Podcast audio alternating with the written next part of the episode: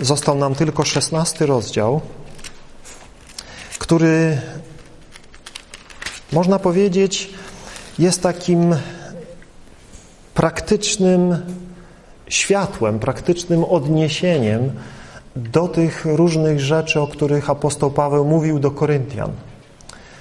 Jak widzieliśmy na przestrzeni rozważania tych rozdziałów, apostoł Paweł dotykał różnych problemów, które były w tym kościele. Tak jak dzisiaj Kościół nie jest doskonały i potrzebuje ciągłej korekty, ciągłego napominania i przypominania i wyjaśniania, tak i wtedy. I apostoł Paweł poświęcił ten list e, dotykając różnych praktycznych e, kwestii, napominając, wzywając do Koryntian, do pobożnego życia. I w tym szesnastym rozdziale, odwołując się do służby, którą on sam wykonuje i inni bracia razem z nim, dotyka w pewien sposób e, tych kwestii, o których mówił w tym rozdziale, ale już nie w formie napominania ich i wzywania ich, chociaż te pierwsze wiersze tak też można odczytać, raczej pokazując na to, jak on żyje, jak on postępuje i ci, którzy z nim współpracują. Y, oczywiście, kiedy Paweł pisał ten list, nie było tego podziału, y, który my znajdujemy na y, rozdziały i wiersze. Paweł po prostu pisał list, a więc tutaj mamy pewną ciągłość myśli, nie ma kończy się jeden temat, zaczyna się drugi, tylko Paweł przechodzi płynnie od jednej kwestii do drugiej. I przyglądając się treści 15 rozdziału, widzimy, że Paweł wznosi się na takie najwyższe wyżyny, e, mówiąc o zmartwychwstaniu Chrystusa, o pokonaniu śmierci, o zmartwychwstaniu wierzących, którzy wierzą w Niego, o ostatecznym triumfie i zwycięstwie chrześcijan, i mówi w wierszu 57 Bogu niech będą dzięki, który dał nam zwycięstwo przez naszego Pana Jezusa Chrystusa.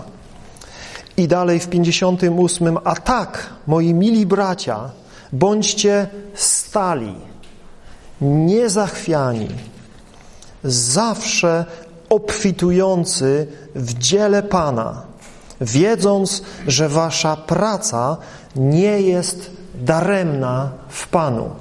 A więc mówiąc o zmartwychwstaniu, mówiąc o tej nadziei naszego wiecznego życia, Paweł mówi, to co teraz robicie, to jak teraz żyjecie, nie jest czymś, co się tutaj i teraz kończy, ale jest czymś, co w całej mierze objawi się, gdy z martwych wstaniemy gdy powstaniemy z śmierci do wiecznego życia, gdy przejdziemy ten próg wieczności i mówi, wasz trud teraz, tutaj nie jest daremny. Wasze poświęcenie nie jest daremne. To wszystko ma wielką zapłatę. I zobaczcie, do czego przechodzi. A co do składki na świętych? A więc tych wyżyn y, zmartwychwstania i nowego życia i wieczności przechodzi na samym końcu tego listu do bardzo, można powiedzieć, przyziemnych spraw zbierania pieniędzy na biednych. A co do składki na świętych, to i wy zróbcie tak, jak zarządziłem w kościołach Galacji. Każdego pierwszego dnia tygodnia niech każdy z was odkłada u siebie stosownie do tego, jak mu się powodzi, aby nie urządzać składek dopiero wtedy, kiedy ja tam przybędę. A gdy przyjdę, poślę tych, których w listach uznacie za godnych, aby zanieśli wasz hojny dar do Jerozolimy, a jeśli będzie właściwe, abym i ja się udał, pójdą razem ze mną.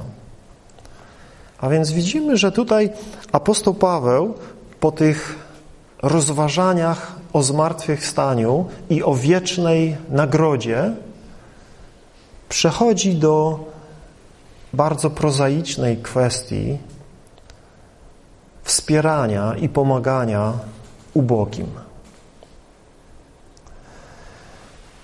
Składek w kościele lokalnym, aby pomagać potrzebującym. Jest to kwestia e, dosyć drażliwa. E, dlatego, że pieniądze e, zawsze były i są obiektem niebezpiecznym. Na przestrzeni wieków widzimy, jak wiele nadużyć, jak wiele niewłaściwego podejścia do pieniędzy spowodowało ogromne szkody w Kościele. Chciwość, pazerność, chęć bogacenia się tych, którzy zajmowali jakieś kościelne stanowiska, doprowadziła do tego, że wielu ludzi już na sam na samo poruszenie tematu pieniędzy w Kościele już im się zaczyna gotować krew. Już im e, rośnie temperatura. I trudno się dziwić. I dzisiaj nie brak wielu oszustów. I dzisiaj nie brak takich ludzi, o których mówi Pismo Święte, którzy myślą, że z pobożności można ciągnąć zyski. I dzisiaj nie brakuje różnych kościelnych żebraków, którzy ciągle żebrają, żeby dać na ich służbę, na ich pracę, na ich działalność. Ciągle wysyłają swoje żebracze listy. Tak, nazywam to żebraczymi listami, żebraczymi prośbami, dlatego że w Nowym Testamencie nie znajdziecie ani jednej prośby apostołów na ich służbę, na ich pracę. Owszem, czytamy o tym, że ci, którzy pracują dla Ewangelii, mają być wspierani przez tych, którym służą.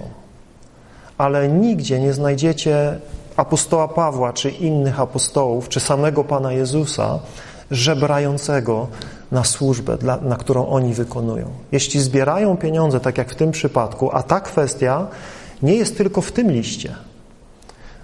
Do tej kwestii odnosi się też list do Rzymian, Znajdziecie wzmianki o tej kwestii w listach do Tesaloniczan, w drugim liście do Koryntian apostoł Paweł mówi, w liście do Filipian, mówi o tej zbiórce na biednych w Jerozolimie. I to nie jest żadne żebractwo. Zobaczymy, w jakim tonie Paweł do nich mówi tutaj, a więcej w drugim liście do Koryntian, tam przez dwa rozdziały o tym mówi. Mówi, dlaczego to robi i jaka winna być postawa wierzących w tym. Nie ma tutaj żebractwa na siebie, na własną służbę. Dajcie mi, wspomóżcie mnie, błogosławcie mi, a wtedy Pan Bóg wam pobłogosławi. Tak niestety dzisiaj często to wygląda. Jest to dramatyczne, jest to, jest to żałosne. Ilu ludzi żebra na własną służbę, na jakąś własną działalność chrześcijańską, obiecując innym jakieś wielkie zyski i krocie. To nie jest nowotestamentowe podejście do pieniędzy.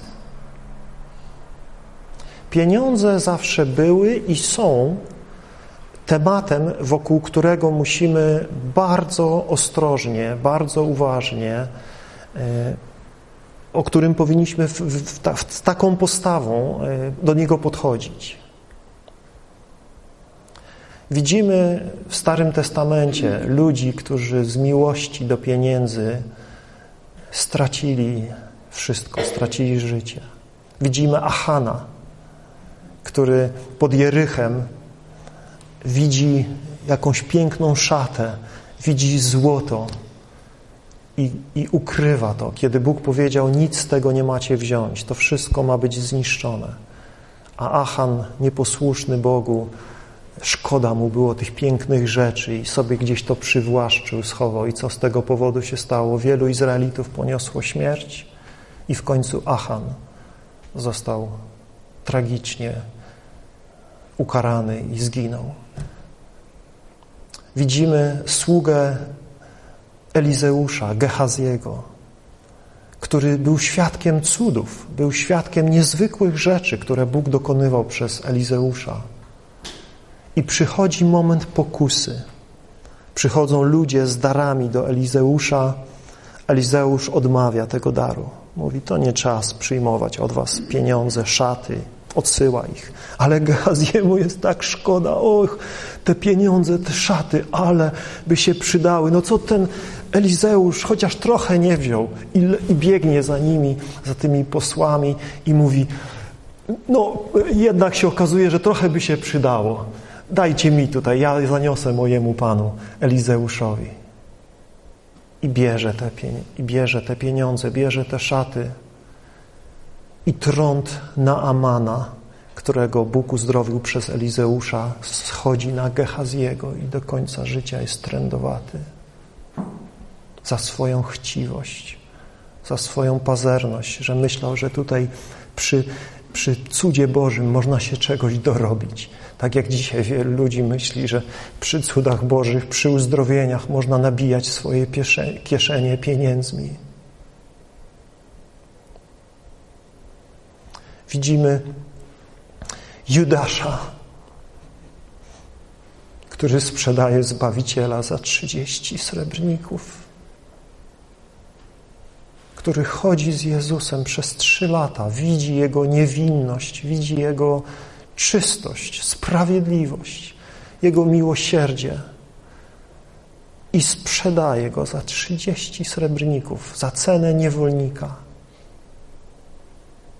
I to jak to się kończy dla Judasza? Jaki przychodzi na niego później żal, jaka przychodzi świadomość tego, co zrobił, kogo on sprzedał za te marne grosze. Idzie się wiesza, rzuca pieniądze na podłogę świątyni i odbiera sobie życie.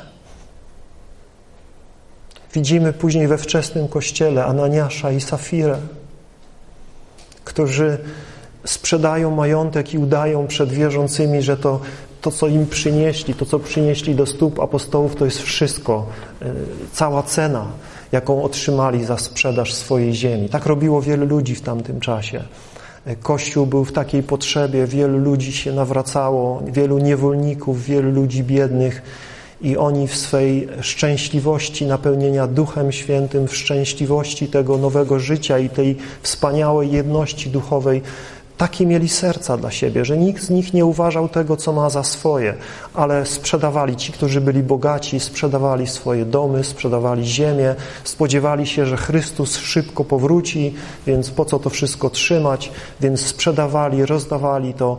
Ale Ananiasz i Safira chcieli zrobić takie wrażenie, że oni też są tacy hojni, ale część tych pieniędzy, które dostali sobie schowali, ale to, co przynieśli do apostołów, powiedzieli to wszystko, co dostaliśmy. My też tak dajemy wszystko.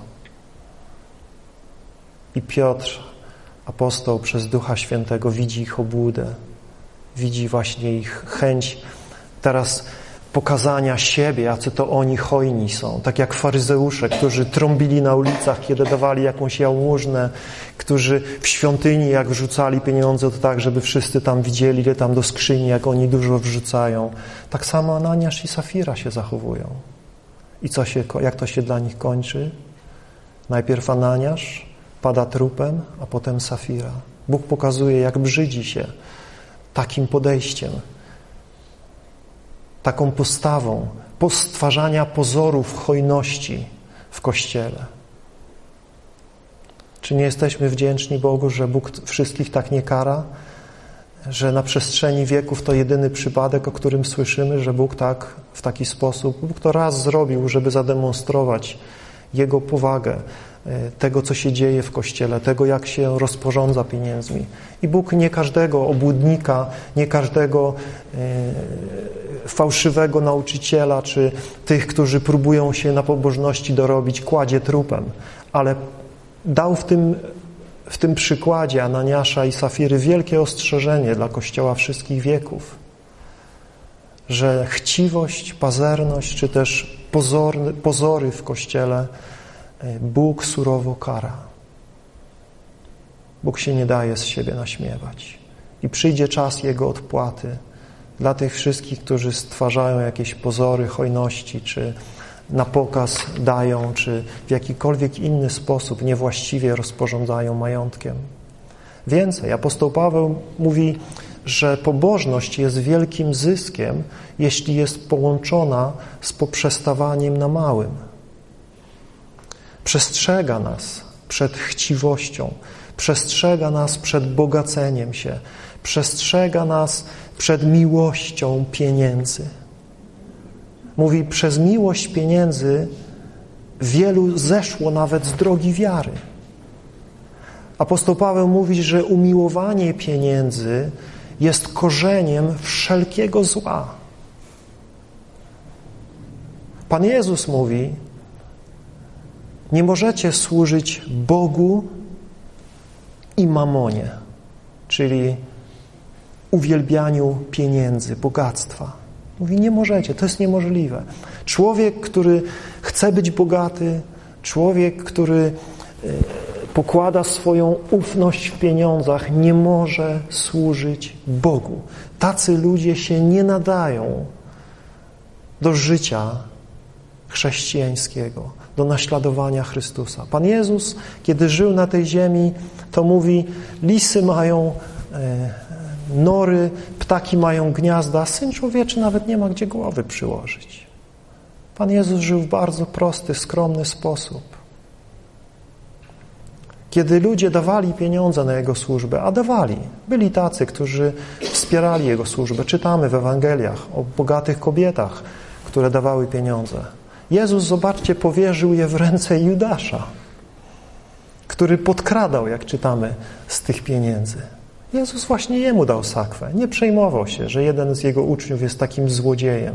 Ja nie mówię, że teraz mamy skarbników w kościołach czynić takich ludzi jak Judasz złodziejami, ale Pan Jezus, zobaczcie, Judasza, Judaszowi powierzył sakwę.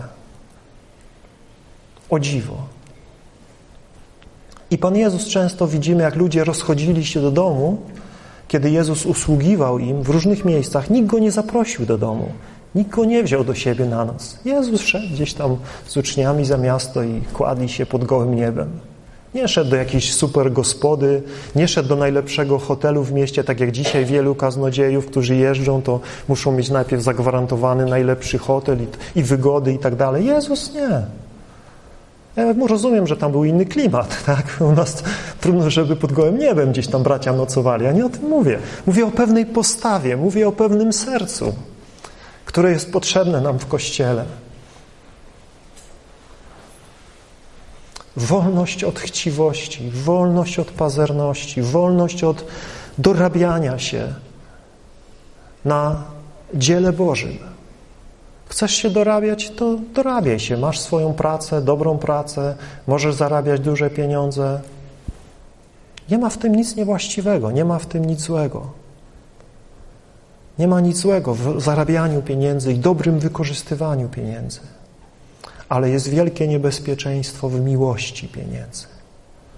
Jest wielkie niebezpieczeństwo w niewłaściwym używaniu pieniędzy, które Bóg nam pozwala zarabiać. Od samego początku widzimy, że Bóg miłuje ochotnych dawców. Bóg w swej naturze jest hojny. Bóg w swej naturze jest tym, który daje bez wypominania. Daje z radością, daje ochotnie. Wszystko, co mamy, mamy od Niego tak naprawdę.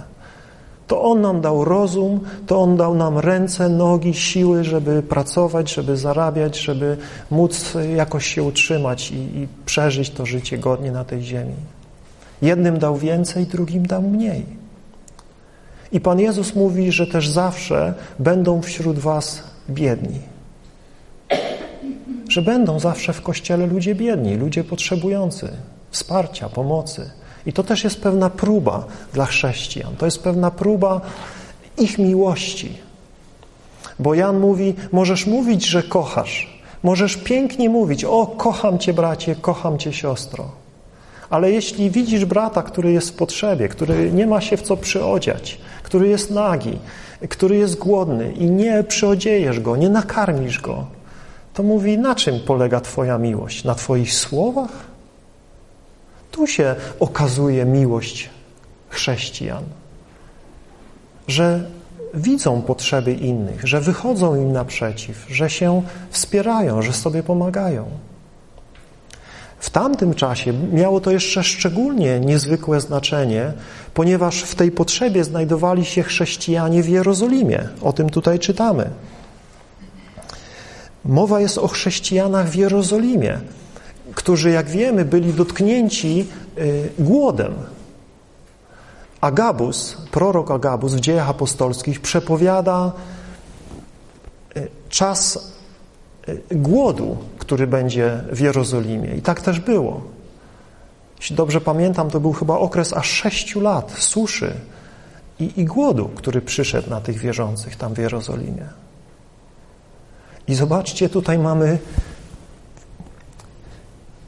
wierzących w Achai, y, w, w Galacji, w tych różnych prowincjach rzymskich, w Rzymie, a więc zarówno Azja, część Azji, jak i Europa, część Europy, chrześcijanie z pogan, którzy zbierają pieniądze, aby pomóc swoim braciom Żydom. Dla nas może dzisiaj żyjących w XXI wieku ten obraz nie jest jasny, ale w tamtych czasach to było coś wielkiego. To było coś niezwykłego. Ponieważ Żydzi byli tymi wybrańcami Bożymi.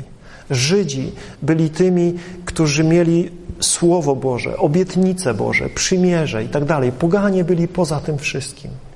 Ale w Jezusie Chrystusie poganie i Żydzi zostali włączeni do jednego ciała, Kościoła, uczynieni jedno. I teraz Paweł mówi, że poganie mają okazję wesprzeć swoich braci Żydów, kiedy oni mają tak ciężko, kiedy oni y, są w takim położeniu. I w tych różnych prowincjach rzymskich ci chrześcijanie gromadzili te pieniądze. I Paweł tutaj mówi, w jaki sposób to się ma odbywać. W jaki sposób mają zebrać te pieniądze, żeby ten dar był hojnym darem, żeby okazał się naprawdę darem miłości, braci. Zauważcie, w pierwszym wierszu mówi, że mają zrobić w Koryncie tak, jak zostało to zarządzone czy nakazane w Galacji. A więc apostołowie, można powiedzieć, nakazywali tą sprawę. Mówili, nie możecie teraz zostawić tych braci tam w Jerozolimie, w ich nędzy, w ich głodzie, w ich biedzie. Macie obowiązek im pomóc. To jest wasz chrześcijański obowiązek. Musicie im pomóc. Czy my dzisiaj traktujemy to na, jako nasz obowiązek, by wspierać innych potrzebujących, czy uważamy, że jest to jakaś opcja, jakaś wielka łaskawość z naszej strony, żeby pomóc tym wokół nas, czy nawet którzy są daleko od nas, których nie znamy, tak jak oni osobiście ich nie znali, którzy znajdowali się w innej części świata, można powiedzieć, o których tylko słyszeli, że są w takiej potrzebie. I Paweł mówi, nakazałem w, w zborach w Galacji, żeby zbierali dla nich i wam też nakazuję tak samo, żebyście zebrali. Jak zobaczymy w drugim liście do Koryntian, w ósmym i dziewiątym rozdziale, ten nakaz nie jest takim nakazem, czy chcesz, czy nie chcesz. Nie, to nie jest taki nakaz. Bóg nie jest zainteresowany wymuszaniem dawania pieniędzy. Dlatego my tutaj nie chodzimy z tacą i nie wymuszamy od nikogo, żeby rzucił na tacę. Jest tam z tyłu skrzyneczka, kto chce, kiedy chce, ile chce, niech daje. z ochotnego serca, bez wymuszania, bez jakiegoś teraz nacisku na kogokolwiek. Y, kiedy Paweł mówi, że nakazał, nakazał im w imieniu Chrystusa. Mówi, Chrystus swoim bogactwem was ubogacił, stał się dla was ubogi. On zostawił swoje bogactwo niebios i przyszedł tu na ziemię jak, jako nędzarz tak naprawdę. Jeśli porównamy Jego niebiańskie bogactwo chwały z Jego życiem tutaj na ziemi, to jest całkowite ogołocenie się ze wszystkiego. I tak też apostoł Paweł to nazywa. Że ten król chwały, ten, który rządził w niebie wraz z Ojcem, uniżył samego siebie, pozostawił swój, swoją niebiańską chwałę i stał się biednym dla nas, żeby nas ubogacić swoim bogactwem. A więc w tym duchu Pan Jezus powiedział, bardziej błogosławioną rzeczą jest dawać, aniżeli brać. I Pan Jezus mówi, kiedy dajesz, niechaj to nie będzie skąpe dawanie, ale niechaj Twoja miara będzie, mówi, utrzęsiona, napełniona, bo taką samą miarą dostaniesz od Boga, kiedy dajesz tak hojnie i obficie. I tu nie chodzi o kalkulację. Wiecie, dzisiaj to niektórzy tak przedstawiają, daj 100 złotych, a Bóg da ci tysiąc złotych, pięć tysięcy, daj dwieście złotych, to Bóg da ci dwa tysiące, dwadzieścia tysięcy. Dzisiaj takie, wiecie, są takie, takie, takie zagrywki, takie sztuczki, takie, takie próby manipulacji, wymuszania. To jest okropne. Ale Bóg zapewnia nas, że jeśli my będziemy hojni, że jeśli my nie będziemy mieli skąpstwa w sercach, jeśli my nie będziemy samolubni, ale będziemy hojnie łożyć na Boże dzieło, to Bóg się o nas zatroszczy. Bóg nas nie zostawi, nie opuści, ale otworzy nam bramy niebios i ubłogosławi nas wszystkim, czego potrzebujemy. Więc to jest Boże zapewnienie, to jest Boże wezwanie dla nas, byśmy w ten sposób strzegli się przed chciwością żebyśmy podzielili się tym, co mamy z innymi potrzebującymi. A Bóg to widzi. Bóg widzi choćby najmniejszą ofiarę, jaką złożymy. Widzimy Pana Jezusa, który w świątyni siedzi i co tam robi? Przygląda się, jak ludzie wrzucają do skrzynki tam na, na dary w świątyni. Jezus przyglądał się temu, zauważcie. Patrzył dokładnie i widział tych bogaczy, którzy przychodzili dawali dużo, ale dla nich to było tyle co nic. Oni mieli tyle, że dla nich danie takiego dużego daru nie było żadną ofiarą, żadnym poświęceniem. Ale Jezus tam zauważa też pewną kobietę, wdowę, która miała ostatnie pieniądze na swoje utrzymanie. Niewielkie pieniądze, dwa pieniążki. I te dwa pieniążki tam ona chce złożyć Bogu, chce w swym zaufaniu poświęcić to Bogu. I Pan Jezus mówi, ona dała więcej niż ci wszyscy inni. A więc to nie jest kwestia, ile możesz dać, że, że teraz będziemy się porównywać, będziemy robić plebisty, tak jak kiedyś było w kościołach, że ci, którzy najwięcej dawali, to mieli pierwsze ławki i tam ich nazwiska były napisane, bo to najbardziej hojni da, da, da, ci darczyńcy. To oni mieli miejsca, a ci biedni, którzy tam dawali jakieś grosiki, to stali z tyłu, nie mieli nawet krzeseł czy, czy ławek. To nie było właściwe. To, to, to nie o takiej motywacji mówimy, nie o czymś takim mówimy. Apostoł Paweł tutaj mówi, niech każdy z was odkłada u siebie stosownie do tego, jak mu się powodzi. To jest zasada Nowego Testamentu. W Starym Testamencie Żydzi mieli dziesięcinę, mieli pewne przepisane ofiary i mieli dawać według prawa pewne regularne ofiary. Tutaj w Nowym Testamencie ani razu nie widzimy, żeby apostołowie odwoływali się do dziesięciny i mówili, że mamy dawać dziesięcinę ale mówi stosownie do tego, jak mu się powodzi. Czyli jeżeli jesteś w trudnej sytuacji finansowej, Bóg nie oczekuje od ciebie, że będziesz teraz oddawał wszystko, co masz, czy połowę z tego, co masz, czy 10% z tego, co masz, ale oczekuje, że dasz choćby odrobinę, dasz chociaż troszkę, nie będziesz kimś, który mówi, ja nie mam nic, ja nie mam nic, masz coś, każdy coś ma. Jeśli mówisz, że nie masz nic i nic nie dajesz, to tylko pokazuje, że masz chciwe serce i dobrze, że ci Bóg nie daje więcej. Taka jest prawda. Człowiek odrodzony Człowiek, który wie, że Bóg dał mu wszystko, jest człowiekiem, który chce dawać. To nie jest to, że, że jesteś przymuszony, że masz rękę wykręconą, że jakoś ktoś cię zmanipulował, że ktoś zagrał na twoich emocjach, pokazał ci zdjęcia biednych dzieci wychudzonych i tak dalej. Teraz y, czujesz się winny, no trzeba trochę dać. No, no, no, szkoda mi, ale, ale dobra, no już podeszli z tacą, no to coś tam rzucę. No to są zagrywki, które są tragiczne, żałosne. Ale jeżeli rozumiesz, że to, co masz, masz z łaski Bożej, to, co masz, dostałeś od Boga w Jego hojności, w Jego obfitości, to Twoje serce chce dawać.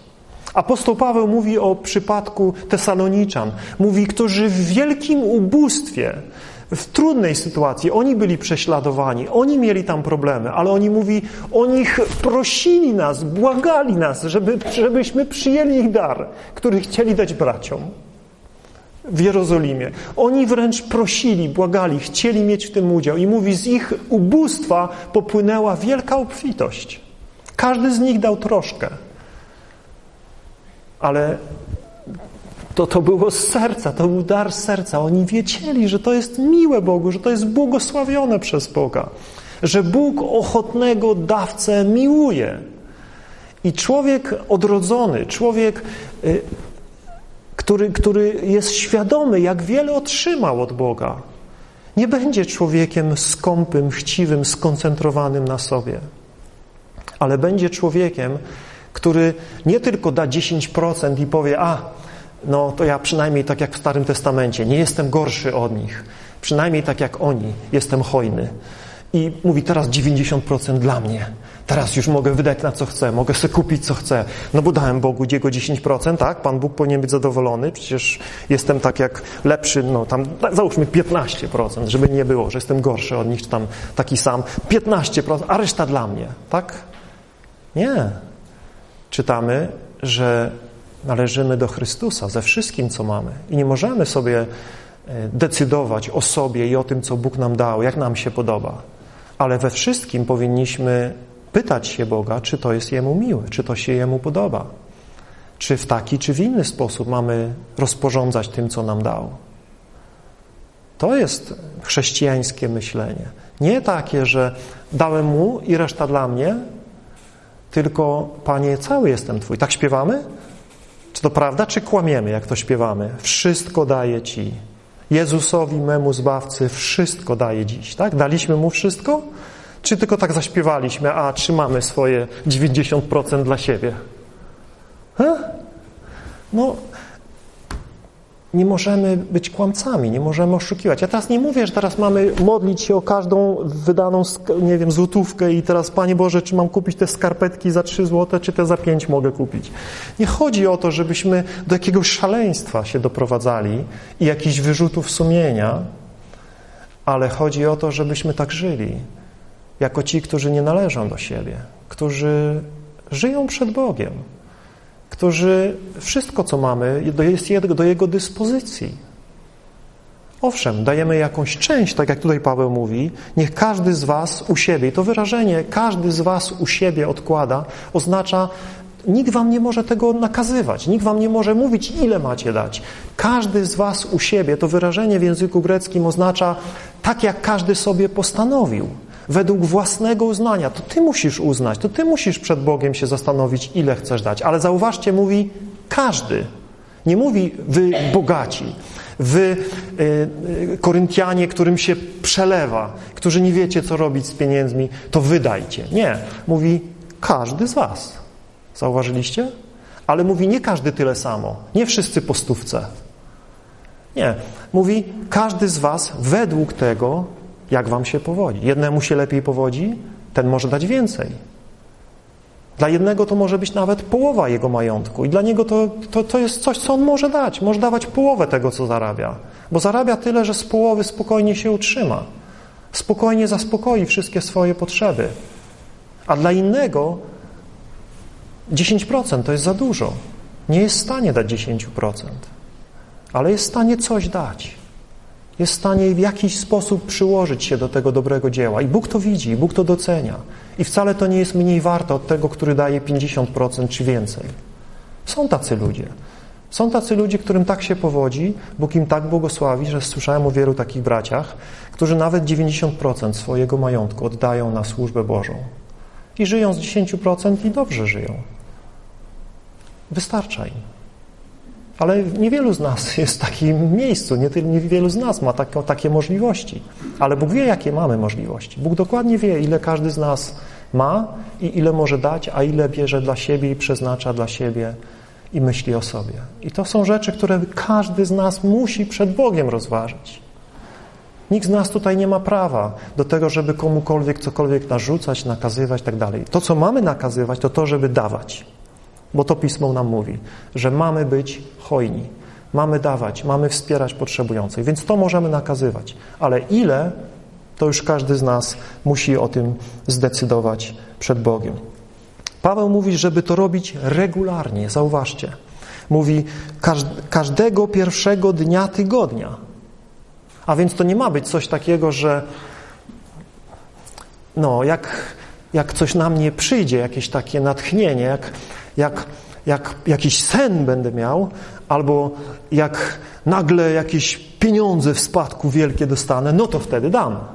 No niektórzy tak podchodzą. Nie, zobaczcie, że Paweł mówi każdego, każdego pierwszego dnia tygodnia. I dlaczego mówi o pierwszym dniu tygodnia? A o czym mówił we wcześniejszym rozdziale? O zmartwychwstaniu Chrystusa, który kiedy wstał z martwych? Pierwszego dnia tygodnia. Dzień po szabacie. I mówi pierwszego dnia tygodnia w kontekście zmartwychwstania Chrystusa, które zapowiada nasze zmartwychwstanie, zapowiada nasze nowe życie. Dnia, w którym najprawdopodobniej już wtedy pierwsi chrześcijanie się spotykali. Na pamiątkę zmartwychwstania Chrystusa ci, którzy byli z Żydów, nadal spotykali się w szabat, bo takie były zwyczaje wśród Żydów, ale chrześcijanie pogańskiego pochodzenia już wtedy, w pierwszym wieku, spotykali się pierwszego dnia tygodnia. Spotykali się na pamiątkę zmartwychwstania Chrystusa.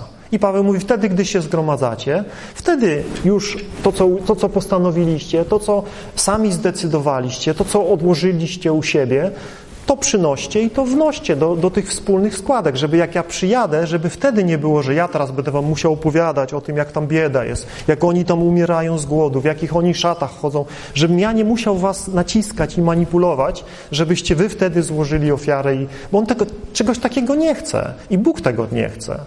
Żebyśmy teraz na emocjach, pod wpływem jakiegoś nacisku, pod wpływem jakiejś presji coś, coś zrobili. Nie, mówi, róbcie to regularnie.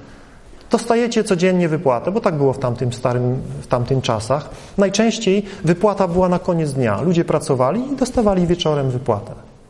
I mówi, każdego dnia odłóżcie troszeczkę u siebie, ile chcecie, każdy według możliwości i pierwszego dnia tygodnia przynieście, zgromadźcie. To jak ja przyjdę, już będzie, będzie zgromadzony ten dar. I wtedy ja to zabiorę i mówi, zawiozę, jak będzie trzeba. I zauważcie, że Paweł mówi, y, że, że, że również jeżeli uznacie za słuszne, to wybierzcie spośród siebie ludzi, którzy zaniosą ten dar. Jeżeli macie jakieś obawy, i dobrze, że macie, bo wiecie jak to jest z pieniędzmi, jeśli to będzie, będzie duża kwota, to dobrze byłoby, żeby to było zrobione w taki sposób, żeby później nikt się niczego nie domyślał, żeby nikt tam nie, nie, nie, nie, nie a czy Paweł se połowy, wiecie, nie wziął dla siebie, a połowę dał tam dla tych biednych. Mówi, nie, nie. Ja tak nie chcę, żeby to w taki sposób było, żeby ktoś później mnie oskarżał, żeby ktoś tam czegoś się domyślał, żeby ktoś tam e, no, później jakieś bajki opowiadał. Nie, mówi, jeżeli nazbieracie te pieniądze i będę szedł do Jerozolimy, no to wybierzcie spośród siebie braci, czy też poślijcie braci, a ja też napiszę list, mówi, y, który, który, w którym ich uwiarygodnię, bo ja znam tych braci tam w Jerozolimie, do których oni będą jechali, więc ja powiem, to są zaufani bracia i tak dalej, niech oni jadą, a jeśli zechcecie, żebym ja pojechał, mówi, to ja też pojadę. Czyli zobaczcie, jaka przejrzystość, zobaczcie, jaka uczciwość. Tak powinno być w Kościele. Nie, że gdzieś tam ktoś tam zbiera pieniądze i nie wiadomo ile z tego gdzie idzie. Mówią, że zbierają na misję, a tak naprawdę 10% trafia na misję, a 90% na pracowników misji, którzy żyją po prostu ze zbierania tych pieniędzy. Nie takie rzeczy. To musi być jasne. Ludzie muszą wiedzieć, na co dają, co się dzieje z tymi pieniędzmi i kto, kto, kto trzyma to wszystko. Jeśli chcecie wiedzieć, na co zbieramy, ile mamy i, i na co wydajemy, to możecie śmiało zapytać. To nie jest tak, że ktoś z nas tutaj trzyma sobie pieniądze i robi sobie z nimi co chce, tylko to wszystko jest tak, jak powinno być. Jest zapisywane, jest pilnowane. Ja wiecie, że pracuję zawodowo, nigdy nie brałem pieniędzy, nigdy nie, nie oczekiwałem tutaj, żeby być utrzymywanym przez zbór. Takie mam przekonanie w świetle tego, co się dzieje w Kościele, jeśli chodzi o pieniądze. Już nie raz mnie różni namawiali, żebym próbował jakoś zostawić pracę zawodową i poświęcić się tej pracy w Kościele, ale ja w świetle tego, tego, tej pazerności kościelnej i w świetle tych różnych historii, które słyszę, powiedziałem nie, tak długo jak będę mógł, będę pracował zawodowo i nie wezmę ani grosza ze z kościelnych pieniędzy. Raczej wolę sam dokładać się do tego dzieła Bożego i mieć tę radość e, w uczestnictwie w tym i wiedzieć, że moje serce jest wolne od chciwości, od pazerności i dorabiania się na tym. Nie, nie, nie, nie osądzam tych braci, którzy są utrzymywani, jeśli Zbory tak decydują, jeśli ci bracia są, mówię, w odpowiedzi. To wszystko się dzieje w taki właśnie właściwy sposób. Jest, jest nad tym jakaś kontrola, jest to w sposób jawny, nie odbywa się to w jakiś tajemniczy, dziwny sposób. Nikt nie wie, ile on zarabia, gdzie te pieniądze idą. Jeżeli wszystko jest jawne, jeżeli wszystko jest otwarte i ludzie się na to zgadzają i mówią, tak chcemy, to jest. Okay. Ale to jest ważne, żeby tak było, żeby takie możliwości były. Wtedy nie ma tych różnych dziwnych rzeczy, które widzimy się dzieją w różnych miejscach. To nie, to nie tylko w Ameryce mamy tych milionerów kaznodziejów, którzy żyją ponad stan, którzy chwalą się sedesami za setki tysięcy dolarów, którzy jeżdżą limuzynami i którzy latają własny, własnymi prywatnymi samolotami. To nie tylko w Ameryce. Jakże często w Afryce, w Azji, gdzie tam jest taka bieda, pastorzy, kaznodzieje żyją ponad stan. Wyciskają ostatnie soki z biednych ludzi, którzy naprawdę oddają nieraz część swoich posiłków, bo nie mają pieniędzy. Przynoszą ryż, przynoszą jakieś owoce, warzywa, sprzedają to, żeby jakoś tam mieć uczestnictwo w, w pomocy Kościołowi, a pastorzy żyją jak królowie. Opływają w dostatki i twierdzą, że to są słudzy Boży. To są złodzieje. To są wilki w owczych skórach. To są ci, którzy myślą, że z pobożności można ciągnąć zyski. Czytamy, że wyrok Boży na nich już zapadł. I biada im. Ja, ja im nie zazdroszczę. Ja im, ja im naprawdę nie zazdroszczę. Też straszna będzie kara dla takich ludzi którzy myślą, że z pobożności można ciągnąć zyski i wykorzystują Boży lud i Boże pieniądze na zaspokojanie własnych rząd. Bracia i siostry, te złe, negatywne przykłady nie powinny nas odstraszyć ani zatrzymać przed hojnym łożeniem na dobrą sprawę. Potrzeby zawsze były, będą i są. I każdy z nas przed Bogiem musi rozważyć, w jakiej mierze chce w tym uczestniczyć.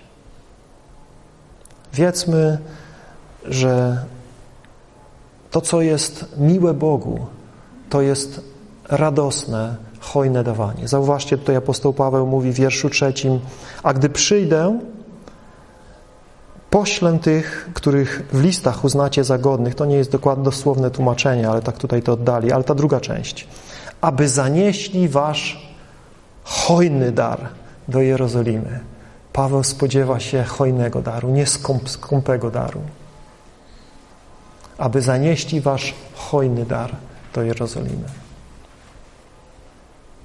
I jak zobaczymy w drugim liście do Koryntian za rok, albo kiedy tam dojdziemy, do ósmego czy dziewiątego rozdziału, tam Paweł dogłębnie tą sprawę przedstawia i pokazuje, z jakim sercem winniśmy dawać.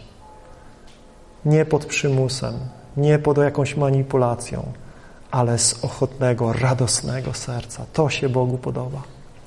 I do tego też Was, bracia, siostry, zachęcam. Do tego, by każdy z nas był posłuszny temu słowu, które tutaj Bóg do nas wie, że również kieruje. Te słowa są zapisane dla Koryntian, ale wiemy, że nie tylko. One dotyczą też Kościoła wszystkich wieków. Duch Święty natchnął te słowa i zapieczętował w swoim słowie, abyśmy my również w XXI wieku czytali to i uczyli się i wiedzieli, jak mamy rozporządzać pieniędzmi w Kościele, jak, na co mamy łożyć, ile mamy łożyć, aby się podobać Bogu, aby to Boże dzieło miłości, miłosierdzia, które również za naszym udziałem dzisiaj jest potrzebne do realizacji, mogło się dziać, mogło się realizować. Bogu niech będzie chwała w każdym aspekcie naszego życia. Czy jemy, czy pijemy, czy cokolwiek czynimy, a więc również w tym, ile i jak dajemy. Niechaj Bóg będzie uwielbiony w naszym życiu. Powstańmy do modlitwy.